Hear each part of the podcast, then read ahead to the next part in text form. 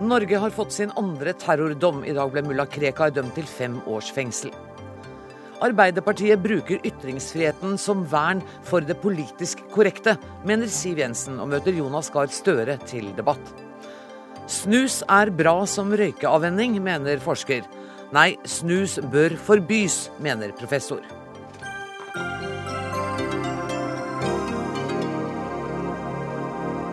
I denne sendinga skal vi også høre at regjeringen vil sikre at viktige idrettsbegivenheter sendes på gratiskanaler, med unntak av kvinnefotball. Kvinnediskriminerende og konkurransevridende, mener Frp. Men først.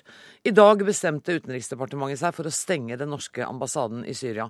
Og utenriksminister Jonas Gahr Støre, er det noe i utviklingen de siste par dagene som har gjort at dere har kommet til denne beslutningen?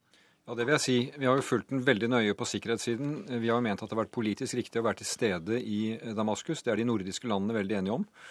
Flere land har trukket seg ut med litt ulike begrunnelser, men det er jo sikkerhetssituasjonen som er viktigst. Og slik vår ambassade og de stedene vi holder til, ligger til, eh, så har vi vurdert at sikkerheten der er nå slik at vi har villet midlertidig stenge den. Men så har vi Eh, overført en av våre diplomater til den danske ambassaden, slik at vi fortsatt er til stede i Damaskus, men altså ikke i, i, eget hus. Ja, for Det var mitt neste spørsmål, om da nordmenn i Syria ikke lenger får noe bistand fra uh, norsk UD?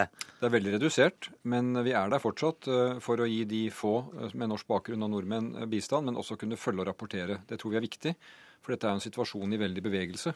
Og det å lese på nyhetsbyråene eller å kunne være til stede iallfall og få noe innsikt, det er en forskjell. og Derfor så er jeg glad for at vi fortsatt kan det. Betyr det at de andre norske ved ambassaden er sendt ut av Syria? Ja. det betyr det. Eh, ser du noe tidsperspektiv på dette her? Eh, altså, vi, vi, sier midlertidig, og det er fordi vi mener det er riktig å være der og ønsker å komme tilbake. Men det er jo fordi situasjonen har gradvis blitt verre. Så den må jo da gradvis bli bedre. Det som har uroet oss, må da ikke uroe oss mer eh, for at vi åpner igjen. Jeg håper det, men det er vel ikke grunn til å være veldig optimistisk på kort sikt. Du sier at dette er sikkerhetsmessige grunner, men er dette også et politisk signal til eh, myndighetene i Syria? Ja, indirekte er det jo det når, når, vi sier at vi finner det uh, usikkert å være der. At vi trekker ut folk fordi vi er redde for deres sikkerhet. Mm. Det er jo et politisk signal. Men, men, jeg har sagt gjennom hele denne konflikten at jeg er tilhenger av at vi skal ha diplomater til stede så lenge det er mulig for å gjøre diplomaters jobb, som både er å kommunisere hva vi mener, men også hente ut inntrykk. Og det å markere med å hente diplomater ut, det kan noen ganger være riktig, men andre ganger tror jeg det ikke er riktig, fordi det er nettopp da vi trenger dem. Mm.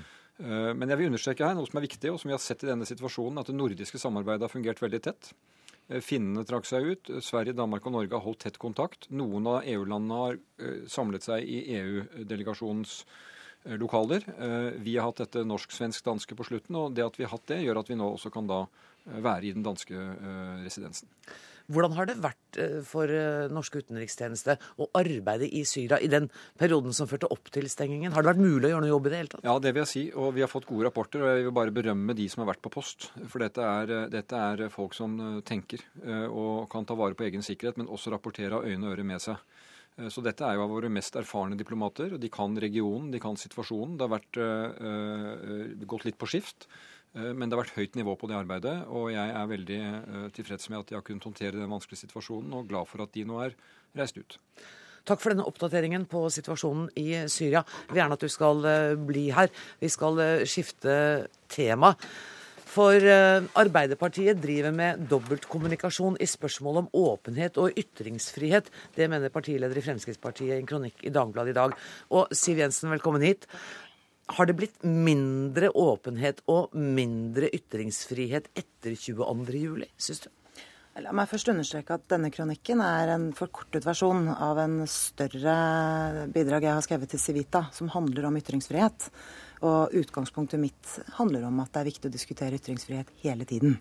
Eh, det er viktig særlig fordi det kommer nye generasjoner til som må forstå på en måte de totale konsekvensene av å ha ytringsfrihet. Den skal være absolutt, den skal være total. Og da handler det om å tåle å høre ting vi ikke liker å høre, og møte det med motargumenter. Um, så har jeg pekt på noen eksempler hvor uh, Fremskrittspartiet mener at Arbeiderpartiet har tullet det litt til gjennom de siste årene. Uh, kjølvannet av 22. juli er ett eksempel på det. du mener at det er blitt vanskeligere etter 22. juli? Nei, det er, det er, det ferskeste eksempelet eh, hvor man brakte begrepet ytringsansvar inn. Det var AUF-lederen som gjorde, og så skulle statsministeren prøve å rydde litt opp i det. Og så klarte han jammen meg å tulle det til igjen i nyttårstalen sin i forhold til hva det begrepet handler om. Ja, hva handler det om? Nei, altså, ja, Det kan man jo i grunnen spørre om. For meg er ytringsfriheten så total at man må altså tåle å høre ting man ikke liker å høre, og møte det med motargumenter. Men man dresserer jo ikke befolkningen til å ha et konformt syn. Så det er ett eksempel. Men det har jo vært flere andre. Karikaturstriden var kanskje det syns jeg er et av de verste under denne regjeringen. Hvor man eh, håndterte det svært dårlig fra regjeringens side og skapte et inntrykk av at nærmest eh, magasinredaktør Vebjørn Selbekk måtte ta ansvar for det som skjedde. Eh, og det andre eksempelet jeg har trukket frem, det er eh, den debatten vi hadde i forbindelse med forslaget om å fjerne eh, blasfemiparagrafen. Eh, hvor regjeringen et øyeblikk, et villfarelse, forsøkte å erstatte det med andre forbud. Det ble det gudskjelov ikke noe av. Eh, og det endte med at vi fjernet hele blasfemiparagrafen, selv om det ikke har trådt i kraft ennå. Jonas Gahr Støre, er det slik at eh, Arbeiderpartiet eh, er for ytringsfrihet, men bare til en viss grad?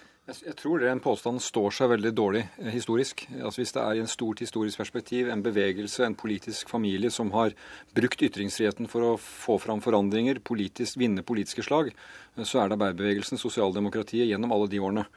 Eh, og eh, jeg mener at eh, sentralt i vårt politiske arbeid, det er talen, det er ordet, det er reformene, og det er samfunnsdebatten. Og det er å ha en veldig aktiv samfunnsdebatt. I den kronikken som Siv Jensen har skrevet, som er kortversjonen av artikkelen, er det veldig mye jeg er veldig enig i. Og det understreker at jeg tror på dette området her har vi stor enighet. Jeg er enig i at det er bra vi har fått avskaffet blasfemiparagrafen, ikke erstattet den med noe annet.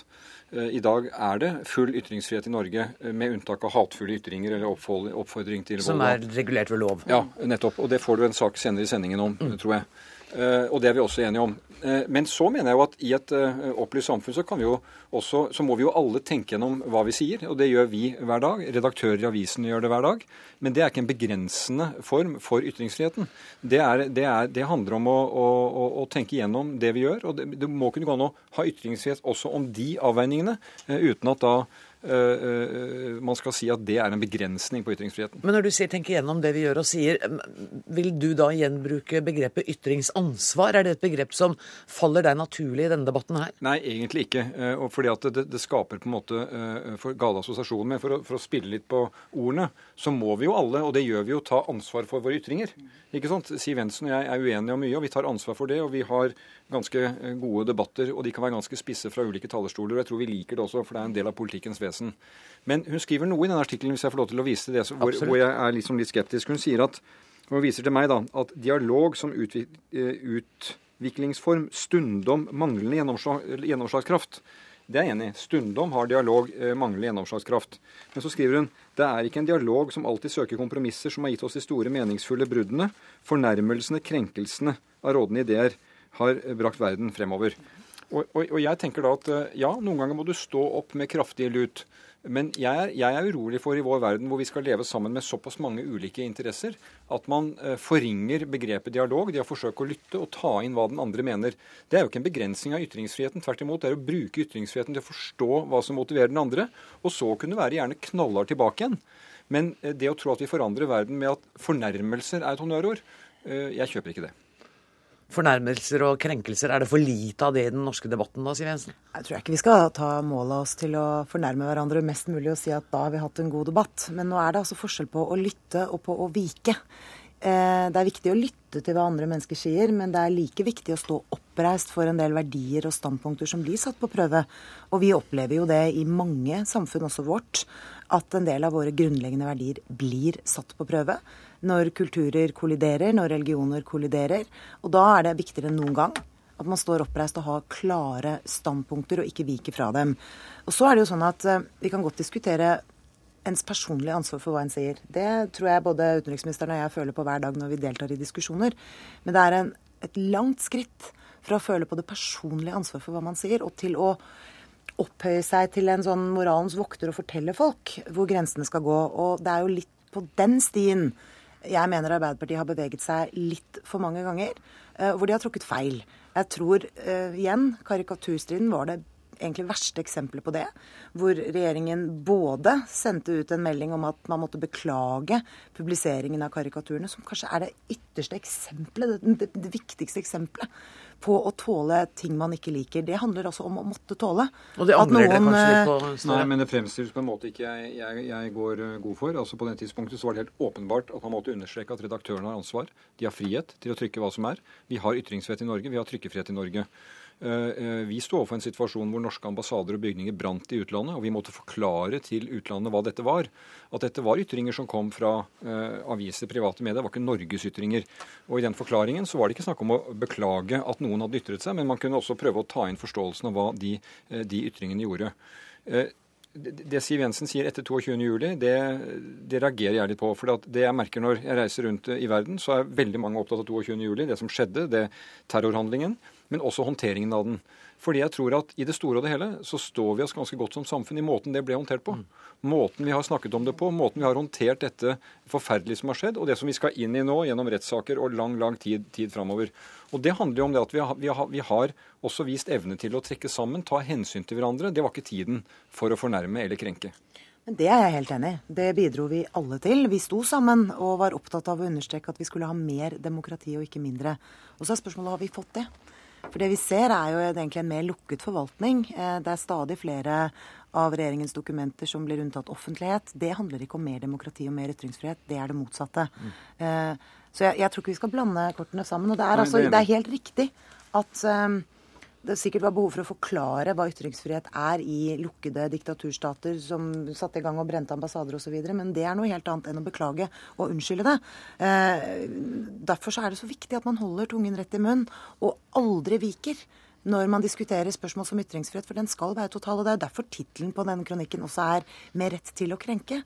Det handler om at man av og til må tåle krenkende, eller altså ikke krenkende, men tåle at det blir sagt ting man ikke liker. Men, Siv, eh, det er vondt og ubehagelig, ja. men det er en del av ytringsfriheten. Men Det er jeg enig i, og vi kan ikke blande det med dokumenter i forvaltningen og sånn, som Nei. jeg også, også, er enig i. Offentlighetsloven må vi ta en annen gang. Ja, men altså, jeg vil jo si at bare tilbake til deg som da vil fremstå som en kompromissløs forsvarer av ytringsfriheten, så er det jo sånn når noen har pekt på uttalelser fra Fremskrittspartiet og trukket opp mot veldig delikate ting som f.eks. 22.07. før og etter, så har det vært en veldig indignasjon fra, fra, fra dere om at dette er fullstendig urimelig, og tatt grovt avstand fra det. Det kan jeg på en måte noen ganger forstå, men det er jo fordi vi, vi trår inn på det og tar meninger på alvor. Uh, og jeg synes Når du ser debattklimaet i, i, Norge etter det, det som bl.a. skjer uh, på bloggene under de forskjellige innleggene, så tyder det på at denne ytringsfriheten lever i ganske vel be, be, bevarenhet. Men jeg, hvis jeg kan avslutte med en ting, fordi uh, Siv Jensen hadde debatter i fjor også om integrering, og hun avslutter kronikken på en veldig god måte, nemlig at vi har en plattform her av noe som er felles og som ikke er til å forhandle bort. Og Det er type da menneskerettigheter, ytringsfrihet, likestilling, likeverd og rettsstat. Og på den plattformen så må vi kunne ta våre slag og ytringer og meninger. Og Det er jeg helt enig i, og det tror jeg er veldig viktig at vi som politikere på ulike kanter slår fast, og så kan vi ha vår meningsforskjell på det. Slik at du kan aldri si at fordi jeg har den religionen, så har jeg rett til å ha en annen mening. Og det tror jeg vi er i ferd med i Norge nå, å bygge en ganske god plattform for å, for å ja, gjøre det Den plattformen håper jeg at dere skal komme og benytte sjansen til å debattere her i dette studioet mange ganger. Nå må jeg sette strek. Tusen takk for at dere kom, Siv Jensen og Jonas Gahr Støre.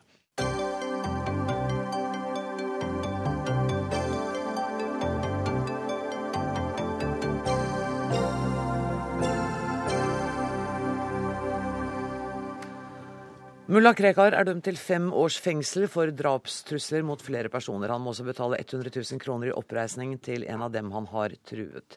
Krekar anket dommen på stedet. Kollega Joakim Reigstad, du har fulgt saken, og ifølge Oslo tingrett skal mulla Krekar dømmes for å ha framsatt drapstrusler under særdeles skjerpende omstendigheter. Hva slags trusler er det snakk om? Det er jo de truslene vi har snakket om helt siden, ja, helt siden, 2010. Det var jo da det startet med, med truslene som han framsatte på dette pressemøtet, eh, holdt kun for utenlandske medier, men som NRK og en del andre fikk tilgang til, hvor Erna Solberg som sitter her, altså ble da truet på livet dersom utkastelsesvedtaket fra 2003 eh, mot mulla Krekar ble effekturert. Det var vel kanskje der banen begynte å rulle, da Siv Jensen eh, noen dager senere eh, gikk til anmeldelse av Krekar på bakgrunn av de truslene her. Så er det også en del andre trusler som har kommet. Eh, det dreier seg om eh, tre kurdere som har vært fornærmet i denne saken. To av de har brent Koranen, eller deler av Koranen, og en av de har eh, brukt noe Krekar mener er ja, hva skal vi si, stygge bilder på framsiden av en, av en bok han har skrevet om, om islam. Går det an å kort si hva som har vært det mest sentrale under rettsforhandlingene? Vi som har fulgt det fra sidelinjen, har nok følt at trusselen eh, mot Erna Solberg har vært det mest sentrale. Eh, her har vi hørt eh, hele pressemøtet, vi har fått det oversatt. Erna Solberg som sitter her, har jo selv vært i retten og, og vitnet i denne saken. Og det er jo også den saken som har størst strafferamme, nemlig det å hindre forvaltningen i å utføre lovlige vedtak. Det har, det har en høy strafferamme, og i så måte så, så har man jo fått inntrykk av det. Men vi har også sett sett mye av denne koranbrenningen. Også, dette har vært veldig sentralt. Statsadvokat ved eh, Nasjonale statsadvokatembetet Geir Evanger. Eh, dommen er på linje med påstanden fra dere. Eh, det var det som forventet? Ja, Vi mente at det var bevismessig dekning for dette resultatet, så, så vi om, ja, Jeg vil si det var forventet. Litt uenighet på bevisvurderingene her og der, men, men ja, jeg vil si som forventet. Krekar sier selv at hans rolle som religiøs lærd kun går ut på å forklare hva som er lov i henhold til sharialovene. På hvilket grunnlag kan han da dømmes for å ha kommet med reelle trusler? Nei, altså, Krekar er vurdert etter de norske straffebestemmelsene og utelukkende det. Og retten har jo ganske klart sagt fra at bl.a. dette med sharia at det har ikke noe plass i norsk uh, strafferett. Og kan heller ikke legitimere maktutøvelse og voldsutøvelse osv. i det norske samfunn. Så, så Krekar er vurdert etter norske lovbestemmelser på lik linje med alle andre i Norge. Men han ble frifunnet for å ha oppfordret til selvmordsaksjoner. Ja, det er riktig. Retten mente at det var en, en tvil der, og det, ja, det, er ikke så mye mer å si om det. Retten mente det var tvil rundt akkurat dette. Er du dypt uenig med retten her? Jeg har ikke lyst til å gå i noen detaljer på, på våre oppfatninger av dommen. Um, han frifinnes også for erstatningskrav fra to av de fornærmede. Hva var begrunnelsen for det? Nei, altså Det bygger vel eh, på en slags medvirkningstanke at man da har brent Koranen vitende om at eh, dette ville vekke reaksjoner. Men heller ikke her har jeg lyst til å si så altfor mye. Det er bistandsadvokatene som er, ligger nærmest å si noe om dette. Var du overrasket over at uh, dommen ble anket på stedet? Nei. Brynjar Meling, du er advokat for mulla Krekar. Hva var begrunnelsen for at han anket på stedet? Han kunne jo ha tenkt seg om litt? Eh, Mulla Krekar er jo en eh, mann som har sine meninger, og ikke nødvendigvis endrer de om han har tenkt eh, lenge over disse. Så det var nok et standpunkt han hadde tatt når han kom i retten i dag. At uansett utfall, hvis det endte med domfellelse, så ville han sørge for å anke på stedet. Rådet du ham også til det? Jeg rådet han til å følge sin oppfatning og sin vilje, hvis det var det han mente. Og så skal vi forfølge det videre i rettssystemet. Dere har prosedert på at Krekars uttalelser må tolkes ut fra hans religiøse overbevisning. Hva ligger det i det? Ja, vi har ment at uh, det er grunnlag for å se på om ikke de uttalelsene han har kommet med, er uttalelser som kan stå straffritt ut ifra vår, altså, vår, rettsnorm og vår ytringsfrihet og vår religionsfrihet. Altså Om man da forfekter et standpunkt uavhengig av hvor uspiselig eller uforståelig det er fra våre normer, så kan man altså gjøre det uh, i kraft av ytrings- og religionsfriheten. Mulla Krekar mener at han er forpliktet til å si det han sier, som en lærd islamist. Uh, og Da må jo dette stå opp imot det da beskyttelsesbehovet man har som borger i Norge, og se da hvem som til syvende og sist, hvilke av disse prinsipper som vinner frem. Mm. Jeg har ikke tenkt å legge opp til noen debatt her, men aktor, aktor sa nettopp at han er dømt etter den norske eh, straffeloven. Eh, har du argumentert på en annen måte? Nei, Overhodet ikke. Eh, og det er klart, der, der kan nok synes også om, om, retten har misforstått litt. Det som, det som, vi har ment, er at det vil være legitimt for en å forfekte hva islam mener om disse tingene, uten at dette rammes av norsk strafferett. Vi har ikke pekt på på noe tidspunkt at han skal vurderes annerledes enn andre. Det som har vært en fordel i denne saken, er at det har ikke vært noe tema eller bevistema hva som er blitt sagt, og hvordan det er blitt sagt. Eh, sånn at det har vært en ryddig og grei rettslig hva skal si, eh, diskusjon mellom forsvarere og påtalemyndighet om hvor grensene her skal trekkes. Eh, nå anker dere sånn at saken kommer opp for lagmannsrett. Sånn som du kjenner ham, hvis han ikke får frifinnelse der heller, vil denne saken havne i Høyesterett? Den vil nok det, og dette er nok et område hvor vi har behov for avklaring også som rettsstat. Eh, det som er viktig å merke seg, og kanskje det mest grunnleggende misforståelsen som eh, dommen bygger på, er jo at mulla Krekar ønsker å være i dette landet, og at han har truet for å få lov til å bli. Det er ikke det det handler om. Eh, mulla Krekars uttalelse handler ikke om det i det hele tatt. Tvert imot så ønsker han å komme seg ut herfra så fort som det er mulig. Hvorfor har han ikke reist? Det er fordi at han ikke kan gjøre det uten at det da ender med den visse død. Og det er det som er noe av tematikken i det uttalelsen som er kommet. Høyreleder Erna Solberg, Krekar er altså dømt bl.a. for å ha drapstruet deg. Hvordan eh, opplever du dommen? Jeg opplevde det som en veldig klargjørende dom i den formen av at du kan ikke true deg til opphold. Du kan ikke Han vil ikke være her? Ja, jeg opplever nok at, eh, at, ønsket om å bli her kan være større enn en det som sies her. Men det, det, skal ikke jeg gjøre en vurdering av. Det, det har vært uttalelser fra han som uh, har vært rettet mot ikke i og for seg meg som person, men kommunalminister Erna Solberg som fattet vedtak eller, og instruerte, og som hadde på en måte hovedfiguren på en måte i en del av den forrige delen av saken. Uh, og jeg mener at det er ganske viktig at myndighetspersoner i Norge som følger det de er pålagt etter norsk lov å gjøre, nemlig ta vare på rikets sikkerhet, f.eks. utlendingsloven, at de skal ha en beskyttelse mot trusler. Og Det syns jeg faktisk domstolen ga oss et sterkere vern for i dag. Du har også sagt i etterkant av dommen tidligere i dag at det at han ble dømt, eh, ikke må være en hvilepute for arbeidet med å forsøke å få til en utleveringsavtale med Irak. Nei. altså Hvis det er sånn at man nå på en måte får opptil fem års fengsel, at det på et tidspunkt blir en gjeldende dom, eh, så må ikke det være en hvilepute for de som sitter i regjering for å jobbe med en, med, videre med en avtale om utsendelse. Eh, for jeg tror at det er viktig for norsk utlendingspolitikk, jeg tror det er viktig å avslutte dette kapitlet, at man kan returnere Krekar, men selvfølgelig under de betingelsene som vi alltid har sagt, at man eh, ikke skal stå i fare for å, å møte en påstand om dødsstraff, f.eks. i en gitt en, en mulig rettssak i Irak. Så det vil jo ikke være snakk om at han skal sone hele eller deler av straffen i Irak? Nei, altså det må i så fall være under veldig betryggende eh, avtaler som er gjort, og det er litt langt frem å se nå. Foreløpig har vi jo ikke fått på plass noen avtale, men det må jobbes med det fortsatt. Det må ikke være sånn at man venter i fem år hvis det blir en, eh, en eh, rettskraftig dom på denne størrelsen. Du sa i 2006 nå kan jeg kanskje legge denne saken bak meg. Ja, det trodde jeg etter at jeg var ferdig som kommunalminister og hadde vitnet i lagmannsretten og eh, dommen sto. Eh, så tenkte jeg kanskje at nå er jeg ferdig, men det har jeg merket at jeg ikke er. Geir Wanger, er, hvordan er tidsperspektivet nå på anke, lagmannsrettsbehandling, høyesterett, eventuell høyesterettsbehandling? Altså, hva ser vi for oss her?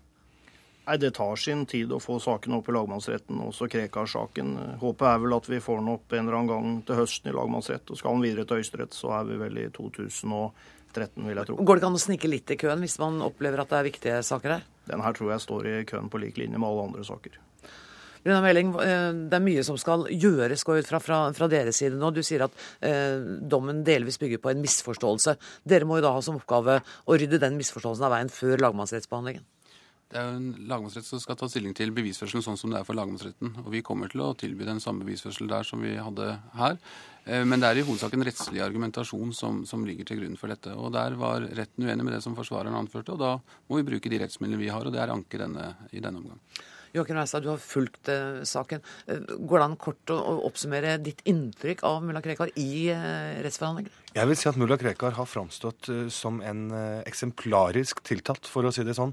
Han har uh, utvist stor respekt for, for retten, for dommeren, og han har notert nøye Nå vet ikke jeg, det vet sikkert Meling mer om hva han har skrevet, men han har i hvert fall skrevet mye av det som har blitt sagt og gjort i retten. Og han forholdt seg helt rolig også når dommen ble lest opp i dag, og forlot rettssalen uten videre dramatikk. Den dramatikken var det kanskje mer media som skapte enn en mulla Krekar selv. Tusen takk for at dere kom, Erna Solberg, Geir Evanger, eh, aktor, Brynja Meling, forsvarer, og Joakim Reikstad, reporter i NRK.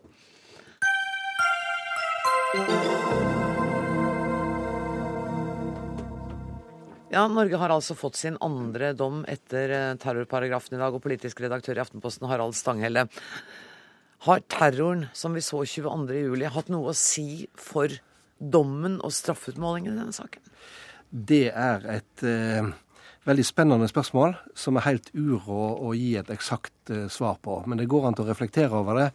Og uh, jeg tror kanskje at det vi opplevde i fjor sommer, har fått også rettens aktører til å se et større alvor over trusler som eh, dette. Det var jo gjerne sånn at vi også før den 22. Eh, juli visste at det kunne skje terrorhandlinger her i landet, men vi tok det vel ikke helt på 110% alvor. 22. juli i fjor endra dette, og jeg ser ikke bort ifra at en dermed har tenkt mer konkret, mer alvor inn i denne trusselsaka enn en ville gjort f.eks. For, for et år siden. Kan jeg tolke deg dit hen at du er litt overrasket over uh, hvor streng denne dommen er? Ja, jeg er uh, overraska over at uh, aktoratet har fått medhold på absolutt alle eh, punkter, bortsett fra ett som ikke er så veldig eh, vesentlig. Ja. ja det, er det, det er det programmet med amerikansk, eh, amerikansk eh, TV. Ja. Og det lå litt på sida av det hele. Eh, jeg ser også at eh, aktor har fått gjennomslag for hele tenkninga si. Eh, og der syns jeg nok at dommerne er veldig gode når de argumenterer for at eh, trusler som er framsatt i en sånn kontekst, så konkret retta mot navngitte personer, det skal også tas på alvor. Retten er også veldig opptatt av, eh, sånn som jeg leser dommen i hvert fall, at et særtrekk ved truslene, det er at de, de kan bli utført av en stor og uavgrensa krets av eh, mennesker. Og de nevner at mulla Krekar kanskje har flere hundre tilhengere, kanskje flere. Og også derfor så lever disse truslene sitt eget liv, eh, hvis det da skulle komme til en situasjon der de ville bli satt ut i livet. Nå hørte vi Brynjar Meling si at retten har trukket en feilslutning, og at det er grunnen til at dommen ble slik den ble. Ja, Det skulle bare mangle om ikke Mulokrekas forsvarer mener at retten har trukket feilslutninger, for eh, Meling har jo prosedert på noe helt annet. Men der dommen er veldig klar, syns jeg, eh, det er at dette dreier seg ikke om religiøse ytringer, ikke om kulturelle ytringer, men det dreier seg faktisk om en form for justis med en konkret hevn som en må ta på, på alvor. I fjor kom den første terrordommen eh, i Norge, da din klient Davud ble dømt til sju års fengsel for terrorplanlegging mot Jyllandsposten, advokat Arild Humlen. Hva er det viktigste skillet fra dagens dom og til den som din klient hadde? Ja, De reiser jo svært forskjellige rettsspørsmål. Eh, det man kan si om begge disse dommene, er at de reiser svært interessante rettsspørsmål, og det er vanskelig å si noe for sterkt i noen av disse dommene, fordi de bør selvfølgelig prøves høyere opp i rettssystemet. Og det er, som også Meling har gitt uttrykk for, et eh, behov nå for en avklaring i Høyesterett. Men, eh, men, som sagt, de reiser forskjellige, men svært interessante rettsspørsmål. Kanskje ikke så mange og så kompliserte rettsspørsmål i denne saken som i den, I den første. Mm. Ja, Det vil jeg nok si. Men hvordan vil denne dommen her, tror du, påvirke andre rettssaker om terrorplanlegging? Og det tror jeg nok i stor utstrekning. så vi har fått et straffenivå ja, som så langt så har vi nok fått det. Uh, I lys av den uh, dommen som kom i fjor høst, så er vel kanskje ikke strengheten i den dommen her overraskende. Men det som er ganske viktig å være klar over, det var at det var uttalt ganske mange bekymringer i lovgivningsprosessen, og vi fikk terrorlovgivningen. Nettopp uh, fra politiske aktører, også fra, fra, fra tunge juristkrefter i samfunnet. Nettopp det at disse paragrafene de er ganske vide, og de kan omfatte svært mange handlinger som det ikke er naturlig å kalle terrorhandlinger. Vi har også lovforarbeider som trekker ganske strenge terskler for når en handling går fra å være en ordinær strafferettslig handling og over da i en terrorhandling. Jeg vil nok si det at man nå de to siste dommene har sett en tendens til å utvide anvendelsesområdet utover det som er, eh, var tiltenkt opprinnelig når man ga disse terrorlovene. Og det er bekymringsfullt? Ja, det er naturligvis bekymringsfullt. Det kan selvfølgelig ha sammenheng med det Stanghelle da nevnte, at det kan være en effekt av 22. juli-saken. Det kan også være at det er en generell tendens i samfunnet, et ønske om å anvende terrorbestemmelsene i større utstrekning enn hva de egentlig gir rom og dekning for.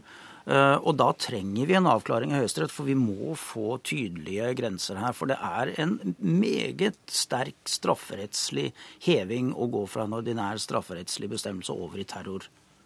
Ba du om ordet, eller? Ja, altså Jeg er eh, enig i det. At eh, det er Høyesterett som må få prøvd en slik sak. Så det er bra at denne saken havner der, etter all sannsynlighet? Jeg syns det er bra. Også fordi at eh, en skal være veldig En er ofte på tynn is når en spår om framtidige dommer, men jeg tror jeg nok vil driste meg til å tro at lagmannsretten vil komme til samme resultat. Der er det nemlig en jury som skal ta stilling til dette, og vi, vi må vel eh, få lov til å være så spekulative og si at eh, mulla Krekar neppe står eh, sterkt hos folkejuryen. Eh, så det er klart at, at den kommer til Høyesterett, eh, bør komme dit. Det er både nyttig og viktig fordi at det Arild Humlen snakker om, nemlig å stemple i gåseøyne alt som terror, det å utvide dette, det, dette begrepet, det, da er du inne på ei farlig utvikling. Vi skal huske på f.eks. at da vi hadde ei sak for svært kort tid siden, vi snakker om et par år, par-tre år, der skudd mot den jødiske synagogen var for retten, så ble det ikke definert som terror. Mange kritiserte jo det for det, for det var jo virkelig egnet til å spre frykt hos ei gruppe av våre eh, medborgere. Men den gangen ble det avvist av retten. Nå kommer en muntlig trussel, eh, som i hvert fall jeg vil si, i hvert fall i hovedsak er muntlig, eh, og, og, som er mindre bastant, mindre konkret enn skudd. Ja, den blir definert som egnet til å, å, skape stor frykt. Det skjer noe her, og som sagt ikke sånn at dommerne tenker på 22.07, men det er noe med stemninga, sinnsleie, i et samfunn. Ja, jeg vil også si det at uh, ut ifra rent samfunnsmessige betraktninger er det nødvendig med å få en klar og tydelig bestemmelse, fordi det å stemple en overtredelse som en terrorbestemmelse kan bidra til en sterk polarisering i samfunnet, mm. som vi kanskje i det lengden ikke heller er tjent med. Så det ligger en uh, tung oppgave foran uh, Høyesterett når saken havner der? ja, og det, og det blir interessant. For det er spennende juridiske temaer òg. Og samtidig så er det jo domstolenes plikt og rett å trekke grenser. Mm. Si det som er uakseptabelt, og det som en kanskje mildere på. Tusen takk for at dere kom i studio, Harald Stanghelle fra Aftenposten og advokat Arild Humlen.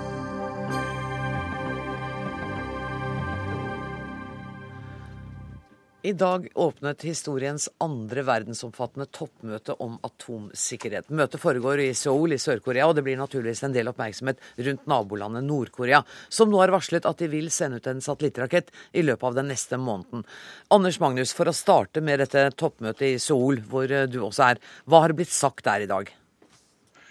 Det er eh, Obama som har holdt eh, en tale faktisk utenom eh, selve møtet, som Eh, vi har mest informasjon fra, hvor han snakker om at eh, det er en vanskelig vei framover. Det er ingen grunn til å skjule det, selv om det har vært en del suksesser eh, med det som er lovet fra det forrige møtet i Washington for to år siden.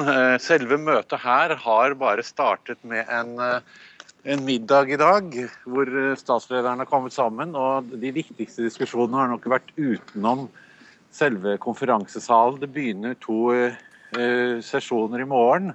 Og De kommer til fortsatt å diskutere Nord-Korea, selv om eh, det landet egentlig ikke står på dagsordenen. Man skal ta opp hva eh, som man kan gjøre med kjernefysisk materiale som ikke er sikret godt nok, og som bør sikres sånn at det ikke kommer i hendene på terrorister. Det er tema for møtet? Det er tema for møtet. Eh, da den amerikanske presidenten snakket i dag utenom programmet, eh, så går jeg ut fra at det, var i diplomatiske vendinger, og at han ikke sa noe som kunne provosere eh, Nord-Koreas myndigheter?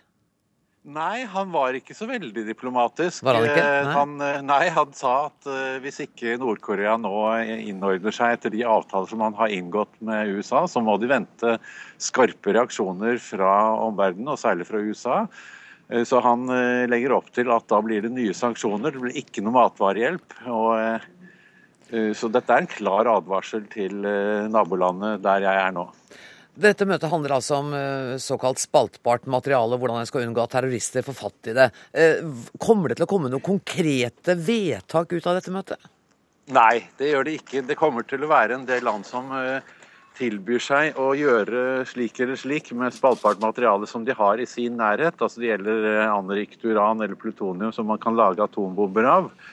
Og F.eks. Norge har jo allerede gjort, eh, vi har gjort vårt eh, ved at vi har hjulpet til å sikre brenselsavfall fra atombåter i nord, og også atombrensel til fyrlykter også i Nord-Russland.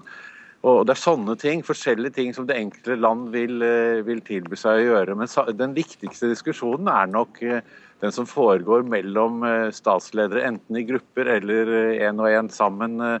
Slik som f.eks. Obama har hatt møte både med president Hu Jintao i Kina og president Medvedev fra Russland i dag, før selve forhandlingene i dette store toppmøtet begynner. Tusen takk for at du var med oss direkte fra Seoul, Anders Magnus. Ole Reistad, du er overingeniør ved Institutt for energiteknikk og har nettopp vært i Seoul. Hvor så vidt jeg skjønner, så har du bl.a. forberedt møtet som i dag.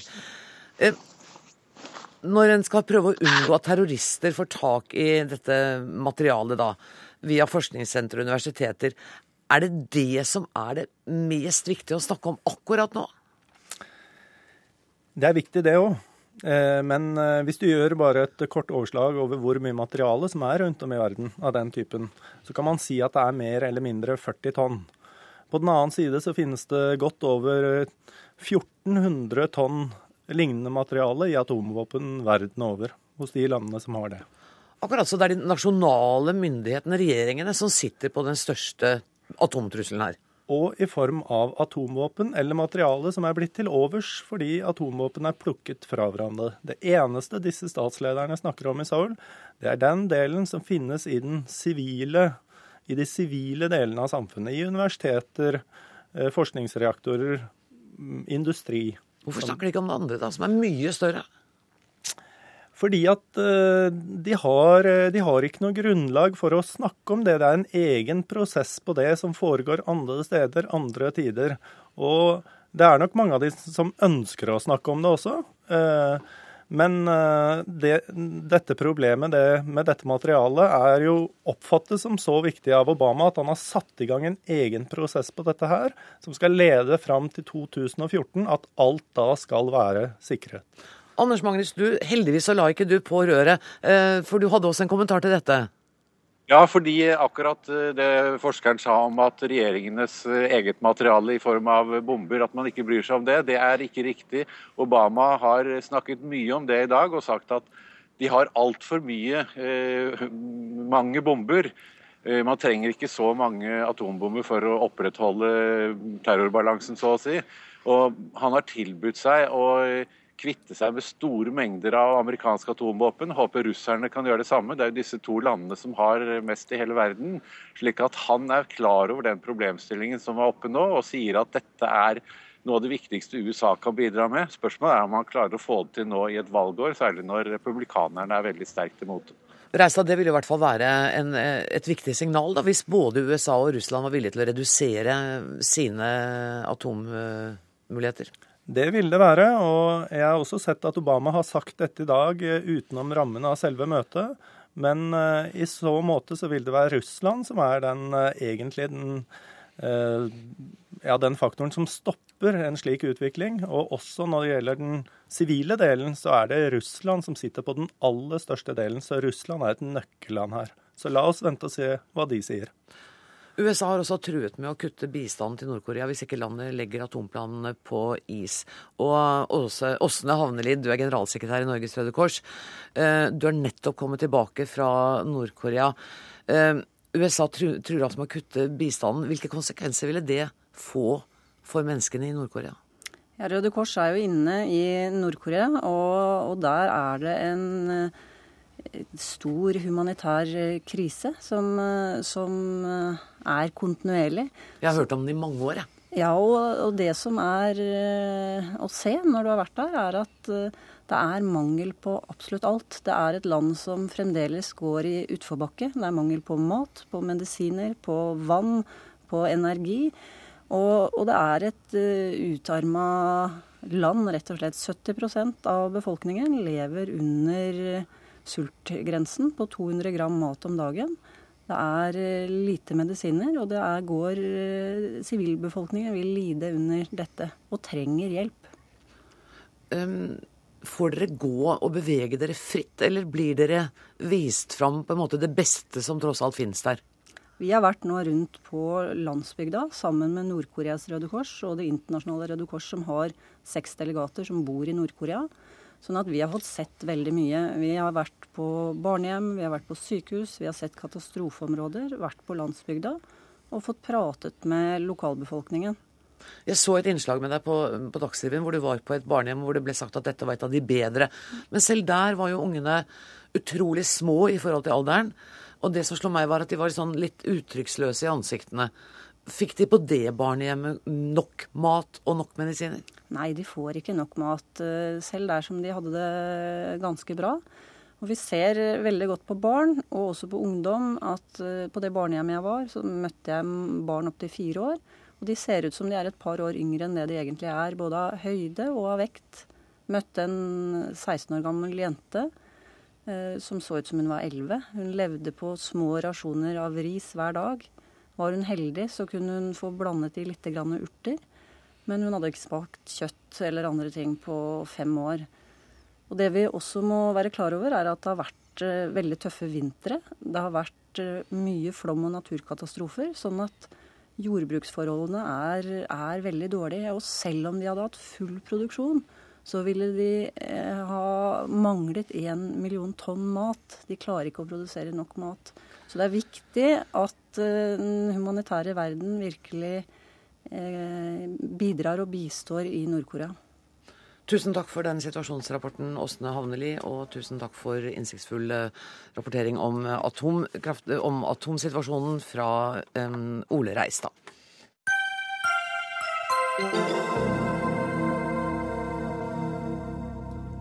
Flere vil slutte å røyke hvis de får vite at snus er et mindre skadelig alternativ. Det viser en fersk studie fra SIRUS, Statens institutt for rusmiddelforskning.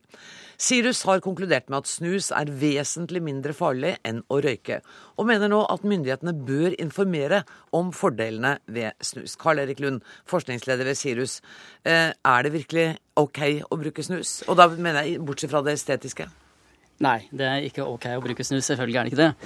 Den eneste hensiktsmessige bruken av snus er jo da for røykere som ikke klarer å slutte å røyke på andre måter. Og det er sannsynligvis en del av det. Vi har 700 000 dagligrøykere nå. Og eh, hvis vi bruker en sånn definisjon på det vi kaller hardcore smokers, de som er spesielt nikotinavhengige, så er det ca. 200 000 av det. De har spesielle problemer med å kutte røyken. Og, og hvis, da kan snus være, være nikotintyggegummen, liksom? Ja. Og fordi, altså, disse bærer da på sterke misoppfatninger eh, om den eh, risikopotensialet ved snus og sigaretter. Og det er det du mener myndighetene bør informere oss om? Jeg syns kanskje det, for da kan det gis et motiv for et eh, mindre farlig opptak av nikotin enn de livsfarlige sigarettene. Maja Lise Løken, du er professor i forebyggende medisin og nylig avgått leder for Nasjonalt råd for tobakksforebygging. Du syntes åpenbart ikke at dette var noen god idé? Nei, det syns jeg ikke. Eh, det har aldri vært dokumentert at snus er et effektivt eh, røykeavvenningsmiddel. Det at snusforbruket eh, øker i Norge, det er noe som er regissert av tobakksindustrien. Tobakksindustrien de tenker ikke på helse, det er, er det profitt som gjelder. Og Norge er jo et av de to landene i Europa som har lovlig salg av snus, og der har altså tobakksindustrien kunnet ta for seg. Men mener du at eh, snus bør forbys i Norge? Ja, jeg mener at det bør eh, forbys i Norge. Det er et unødvendig produkt. Det er helt unødvendig å ha snus eh, i Norge. Eh, vi trenger ikke det for å slutte å røyke. Dessuten så har vi eh, dokumentert, mange studier har dokumentert at det er alvorlige helseskader eh, forbundet med å bruke snus. Men hadde det ikke vært bedre å forby sigaretter, da? Kriminalisere bruken jeg, av det? Jeg er helt enig med deg. Regjeringen bør ikke Jeg bare spurte, jeg sa ikke noe. ja, jeg, du sier ikke noe. Jeg mener at både snus og røyking bør forbys. Yes.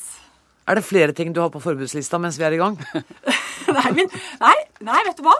Tobakk det er det viktigste eh, helseskadelige midler eh, som, som eh, medfører eh, alvorlig sykdom og for tidlig død.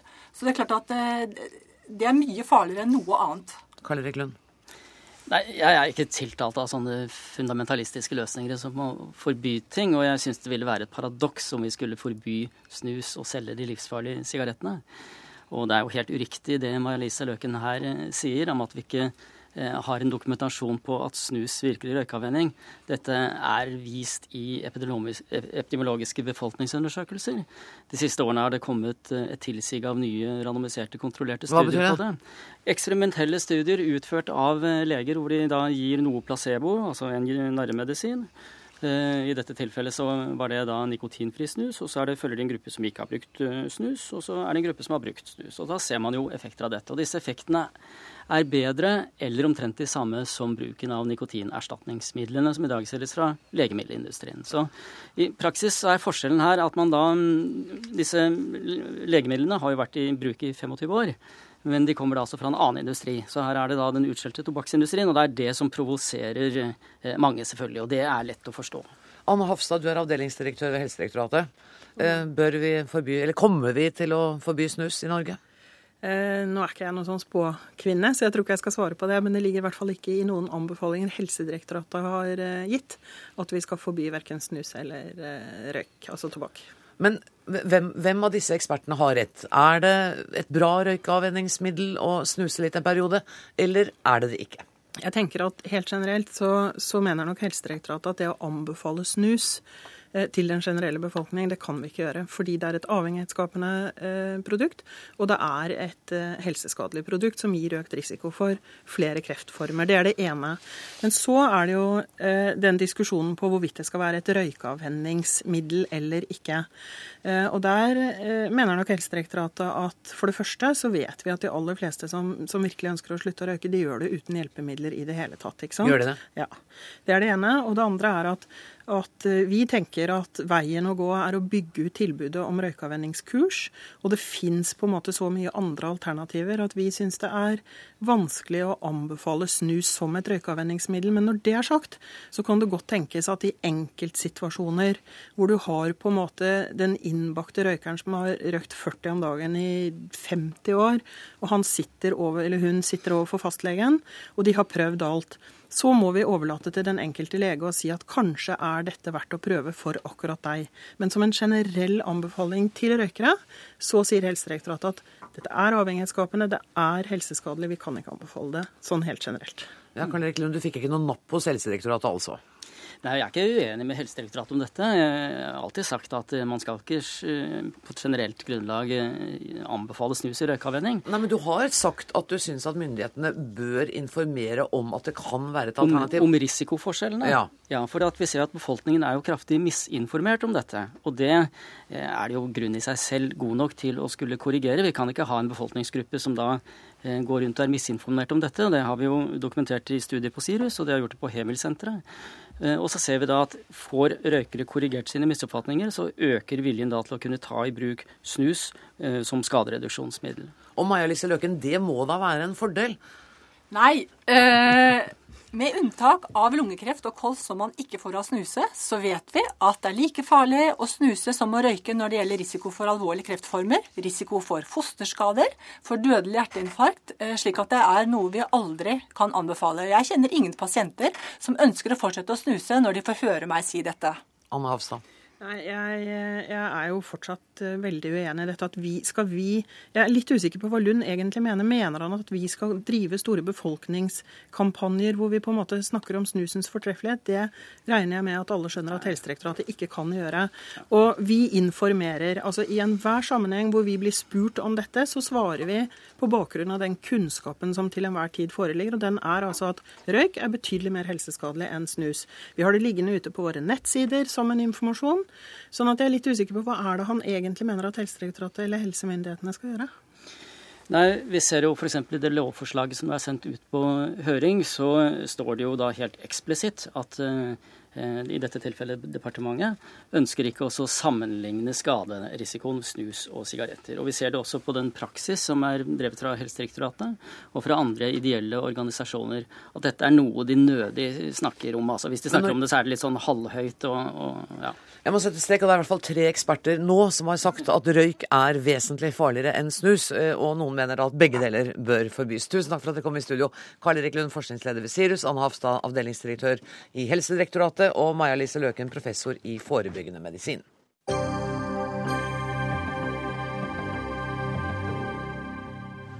Fra helse og snus og røyk til sport. OL, fotball-VM for menn håndball-VM for kvinner og verdenscuprennene i Holmenkollen. Dette er noen av idrettsbegivenhetene som skal gå på såkalt åpne TV-kanaler i fremtiden, om regjeringen får det som den vil. Og det gjorde du klart i dag, Anniken Huitfeldt, kulturminister. Hvordan har dere valgt ut de arrangementene som skal stå på denne listen? Det er to ting som har gjort at vi har valgt disse arrangementene. Det ene er at disse kan stå i fare for å komme på betalt TV. Dermed er det en føre var-liste. Og det andre er at vi tror at disse kan bli godkjent av EU. Fordi de stiller fire krav til å godkjenne en sånn liste, og det skal være at det skal være idrettsarrangementer av stor nasjonal betydning, som har høy seeroppslutning. Så det er ikke de vi har likt, men det er de vi har sett har stor interesse i Norge og har stor seeroppslutning. Og at de også når utover de som vanligvis er TV-publikum. Når det er cupfinale i Norge, så er det langt flere enn det ordinære fotballinteresserte publikum som ser på den. Listen må godkjennes av EFTAs eh, overvåkingsorgan ESA. Når regner de med å få svar derfra? Det er litt vanskelig å love noe på vegne av EU, men dette er jo noe som er gjennomført i veldig mange EU-land, og de har ulike begivenheter på sin liste i forhold til det vi har. Frankrike har en mye lengre liste enn oss. Og så er det f.eks. i Irland sant, så har de hesteløp, og i Storbritannia så har de cricket, i Frankrike så har de Formel 1. Slik at også i land som Italia, hvor de har en veldig sterkt markedsøkonomisk liberalistisk politikk, der har de også en sånn liste. Så dette er noe vi gjør, i likhet med andre land, for å hindre at stadig flere begivenheter kommer på betalt-TV. Er dette den endelige lista? Nei, den kan forandre seg. Ok, Så damefotball kan, komme, kvinnefotball kan komme på? Ja, men Foreløpig er det ikke noe fare for at damefotball eh, går på betalingskanal. Allikevel er det jo dem som eh, reagerer nettopp på det. Øyvind Korsberg, medie- og idrettspolitisk talsmann i Fremskrittspartiet. Du kan styre din begeistring for lista. Ja, det, det, kan jeg gjøre. Jeg syns den det er underlig eh, lista. og Den har mange problemer med seg, for å si det forsiktig. Det ene er jo ta et par av dem. Bare. Ja, det kan jeg godt gjøre. Eh, jeg kan ta mange av dem. Det ene er at det blir på mange måter staten og, og kulturministeren som også opptrer nå som redaktør med å finne ut hva man skal prioritere for å få på norske kanaler. Så skal det være en budrunde mellom de såkalte gratiskanalene. og kjenner Hans Tore Bjerkås eh, rett, din sjef, så kommer han til å be om mer penger for å kunne være med i den budrunden. Det vil være med på å presse prisen oppover. For det vi har sett under denne regjeringa, det er altså at NRK-lisensen har økt kraftig med 30% og mens forrige regjering, altså Bondevik-regjeringa, så var det 7 så Jeg hadde håpet vi kunne unngå en lisensdebatt. Vi har nemlig ikke nei, invitert ikke, Hans Tore Bjerkås til studio i dag. I og med at jeg er her, så syns jeg det var naturlig å ta akkurat den debatten. Ja, men, men vi, vi, kan gå, vi, kan gå, videre på, på, på den lista. Så er det jo sånn at den lista kulturministeren legger nå frem, altså det er de store kommersielle idrettene. Og det syns jeg er et av de store problemene. for det kulturministeren burde være litt sånn bevisst på, det er jo å sørge for at mindre idretter får lov å slippe til i bl.a. NRK, altså statskanalen som har et samfunnsoppdrag. Dem, de små idrettene er borte. og Da kan man ta kvinnefotballen, som har levert altså internasjonale toppresultater over lang, lang, lang tid. De er borte. Mens herrefotballen, som ikke har levert eh, de store resultatene, Eh, de siste årene, de er med på lista. Og det her styres altså ut ifra helt sånn kommersielle eh, vilkår. Og det her går jo også utover eh, de såkalte kommersielle eller betalingskanalene, som blir egentlig ribba for sine muligheter til å tjene penger. Og, og mange argumenter på en gang. Ja, men jeg har enda flere. Ja, ja men nå, Vi må, må få lov å kommentere noe. Ja, jeg var med et par av dem. Okay. Bare gjør oppmerksom til våre lyttere at uh, Kjelkehockey-VM går på NRK akkurat nå. Flott. Um, hvilke av disse poengene var det, du Det blir litt en pussig argumentasjon, fordi at han reagerer på at ikke kvinnefotball er på lista. Og det er den enkle grunnen at den står ikke i fare for å gå på betalt TV. Hvis vi kommer dit hen, vel, vel, for, da får vi vurdere om også det skal på den lista. Men det er ikke noe poeng å lage den lista lengst mulig. Det som er viktig for meg, er jo at vi bruker mye penger i Norge på idrett. Eh, vi bruker mye ressurser på å bygge opp breddeidretten, og jeg mener at de store nasjonale begivenhetene det er det viktig at folk flest får tilgang til. Og til sjuende og sist så tror jeg også at interessene for idrett vil dabbe av. Hvis det er sånn at de viktigste begivenhetene de må man betale for å se. Så også om du er sønn av alenemor som ikke har råd til betalt TV, så skal du få lov til å se på cupfinalen. Og det er derfor de har også gjennomført dette i mange andre land enn Norge. Men Man kan jo også se det som at du da gjør hva du kan for å styrke da, NRK og de store kanalene. Fordi kanskje ville det skje at flere tok seg råd til å kjøpe seg kanalene som hadde sporten? Jeg mener at dette er en veldig viktig bestemmelse, for den gir ikke noen særordninger til NRK. Men den behandler TV 2, TV Norge og TV 3 likt med NRK. Og nå har vi sett at eh, OL går til TV 2, slik at det er ikke noe forskjellsbehandling av NRK og de andre frikanalene. Kort replikk før jeg slipper til Halene. Jeg, jeg, jeg syns det er ganske rørende at kulturministeren eh, har så omtanke for de som har uh, lav betalingsmulighet i, i, samfunnet. Da burde du tenke på det når det gjelder også NRK-lisensen. For kjøper du en TV uansett Der var vi igjen, du. Ja, men altså, jeg, jeg, må jo bruke det, jeg må bruke det som et eksempel. Nei, men altså, du, du, du kan ikke bruke betalingsargumentasjon i det ene øyeblikket, og, så, og så tvinger du folk som bare kjøper seg en TV, til å betale lisens. Da henger jeg ikke helt med. Det var bare det jeg hadde lyst til å si. Ja, det er greit. Men da, Yngve Harlén, er det din tur. Hvordan reagerer uh, Norges Fotballforbund på denne lista? Nei, intensjonen bak at vi ønsker å få flest mulig idrettsarrangement eller begivenheter ut til alle på breie kanaler, det er vi helt enige om.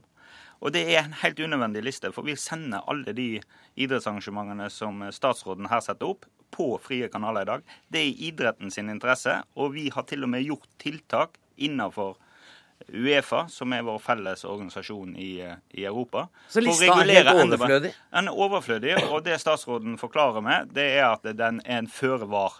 Det jeg hører nå, som er litt interessant, er at hun ikke vil sette opp andre arrangement pga. at det ikke er fare for at de går til eh, betalingskanaler. Men sannheten er at det er ingen fare for at den norske cupfinalen skal gå på betalingskanaler i mange mange, mange tiår framover. Derfor, Da må TV-markedet endre seg helt. Sånn det, Hun sier begge deler her. Uh, så har brukt tida si på bare tull? Ja, det var tøys? Ja, det, det, skaper byråkrati. Det skaper også en vanske når vi skal selge dette. her. Vi pakker disse elementene i lag. Vi pakker ulike arrangement i, i lag for å få vist kvinnekampene, for å få vise bredden i norsk fotball, for å vise andre idrettsarrangement. Dette skaper det en vanskelighet for nå, som vi må rydde av veien i, i den prosessen fram til en kongelig resolusjon. Og da håper jeg at iallfall vi har respekt for at regjeringen kan gå inn og gjøre dette, her, men da må vi ha en god dialog. Eh, og vi bør få en takk og klapp på skuldra for at vi faktisk har gjort noe internasjonalt med å regulere bortekampene, som jeg tror hun er mest irritert over. At, at, at landslagets bortekamper? De, ja, ja. A-landslaget herre sin kamp i Parken i høst, den datt ned. Og, og det var 15 minutter ut i første omgang, og da ble statsråden veldig irritert og kjefta meg huden full. Men det var da den danske fotballpresidenten danske fotballpresidenten som hadde solgt det. Nå har vi regulert det, slik at også dette kommer på åpne kanaler. Selv våre bortekamper så andre eier. Det har, da, det, det, og, og, det, har statsråden vår informert om Stakkars, hele veien. Ja, og hun må få lov å svare. Men jeg skulle selv gjerne hørt den utskjellinga di av uh, Harlén etter den kampen. Jeg mener at det er viktig at vi får sett de viktigste kampene. Uh, og det er jeg jo glad for at Fotballforbundet også er opptatt av. Men det er jo ulike meninger om den lista i idretten. Skiskytterforbundet er for, Fotballforbundet er mot. Det kan hende at det reduserer prisen på noen av arrangementene. Men her har vi sett hensynet til TV-seerne aller først. At de skal få se det som er viktigere i Norge. Men kan det hende at du kommer til å trekke hele det forslaget om den lista? Nei, dette har vært på høring tre ganger, så nå er det jaggu meg på tide at vi gjennomfører det. Det er en god ja, grunn til at det ikke er gjennomført før, da, pga. høringen har vist at dette er helt unødvendig. Så det men, syns jeg at statsråden ja, skulle tatt inn over seg. Men jeg holdt på å si, det her har vært ute på høring i ti år, og det, og det la det gå være ute på høring i, i ti år. Men når man snakker om de viktigste Vet du hva, Vi kan ikke snakke mer om de viktigste kampene, for at sendetida er slutt, og vi blir tatt av lufta om ikke lenge. Jeg må bare få lov å fortelle at det var ansvarlige var i dag vaktsjef Dag Dørum, det tekniske ansvaret av Odd Evenrud. Jeg heter Anne Grosvold, og jeg takker Annike Huitfeldt, Øyvind Korsberg og Yngve Hallén.